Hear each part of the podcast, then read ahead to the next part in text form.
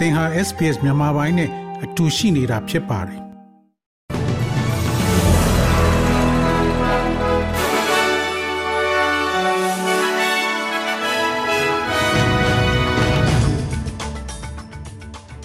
သောရရှင်များယနေ့ဇန်နဝါရီလ22ရက်တနင်္လာနေ့အတွက် SPS News Flash သတင်းထူးများကိုတင်ဆက်ပေးမှာဖြစ်ပါတယ်ကျွန်တော်က Terror အောင်ပါယနေ့အတွက်ထိတ်တန့်သတင်းများ နိုင်ငံရေးသမားများသည်ကင်မရာသို့ပြေးလွှားပြန်သွားနေကြ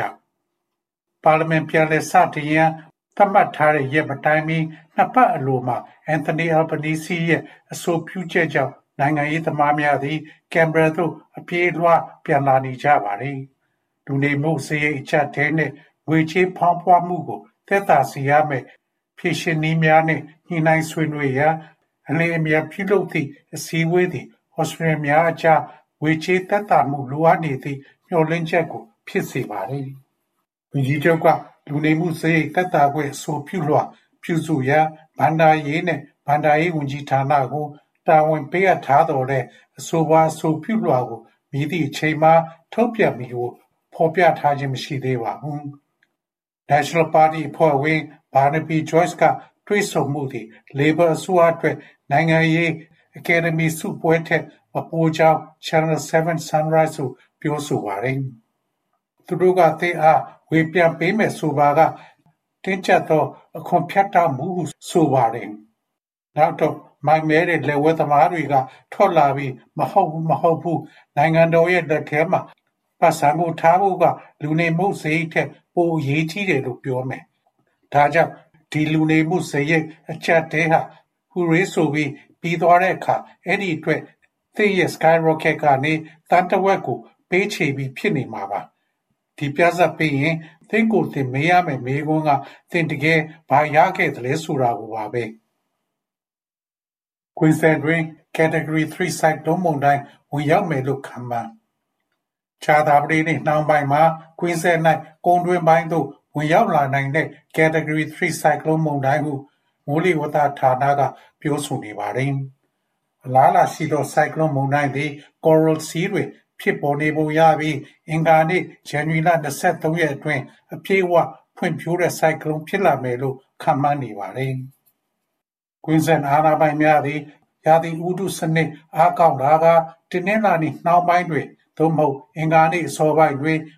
ပြည်နယ်ရဲ့အနောက်မြောက်ဘက်သို့ဝင်ရောက်နိုင်သောကြောင့်အဆိုးဆုံးအတွက်ပြင်ဆင်နေကြပါသည်။ အရေးပေါ်စီမံခန့်ခွဲရေးဝန်ကြီး Murray Watt က ABC Breakfast ကိုယနေ့နံနက်တွင်မျှော်လင့်ရမည့်အရာများအကြောင်းပြောဆိုပါသည်။ Cooktown နှင့် Mackay ကြားရှိ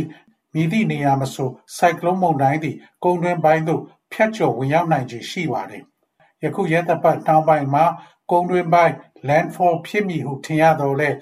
ယခုသီတင်းပတ်အလယ်တွင် Queensland ကမ်းရိုးတန်းတွင် အမှန်တကယ်ခံစားရမယ့်သက်ရောက်မှုတချို့ကိုကျွန်ုပ်တို့မျှော်လင့်နေပါတယ်။ဒါကြောင့်ကယ်ဆယ်ဖို့လိုအပ်တဲ့အရေးမှန်သမျှကို Queensland အစိုးရနှင့်နီးနီးကပ်ကပ်လက်တွဲလုပ်ဆောင်နေပြီးဒီလိုမျိုးအရာအားလုံးကိုကြိုတင်နေရာချထားကြောင်းသေချာအောင်လုပ်ဆောင်နေပြီး Queensland အစိုးရကိုယ်တိုင်ကလည်းအများကြီးအဆင်သင့်ဖြစ်နေပြီဆိုတာကိုကျွန်ုပ်တို့သိပါတယ်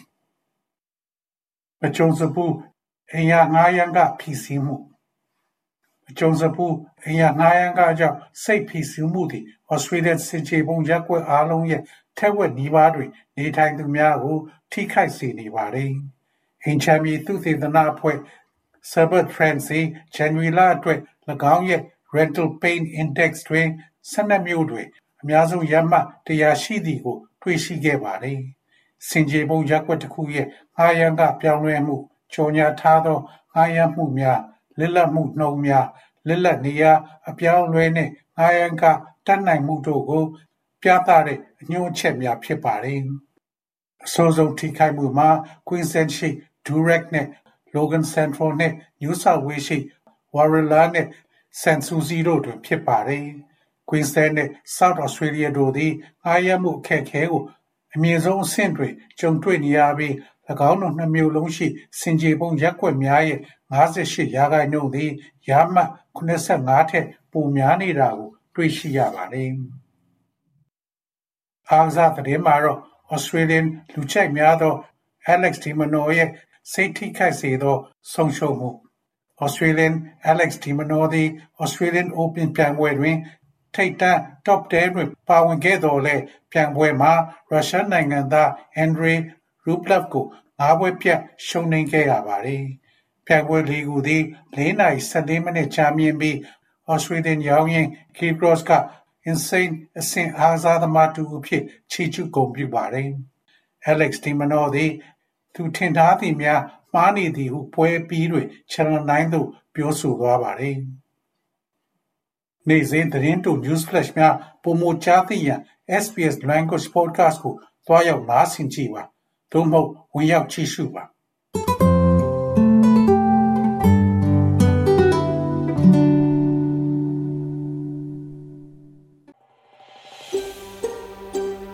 ။ဒါမျိုးသတင်းဆောင်မတွေကိုပိုနားဆင်လိုပါလား Apple Podcast Google Podcast Spotify တို့မှာသင်ပင်ရာဖြစ်ဖြစ်ရယူတဲ့ podcast ကနေပါ။